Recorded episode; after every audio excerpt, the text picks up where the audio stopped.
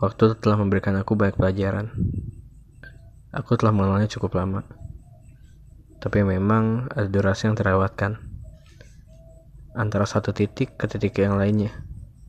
Di mana saat ada hal yang mendekatkan, tapi di saat yang sama ada juga hal yang menjauhkan.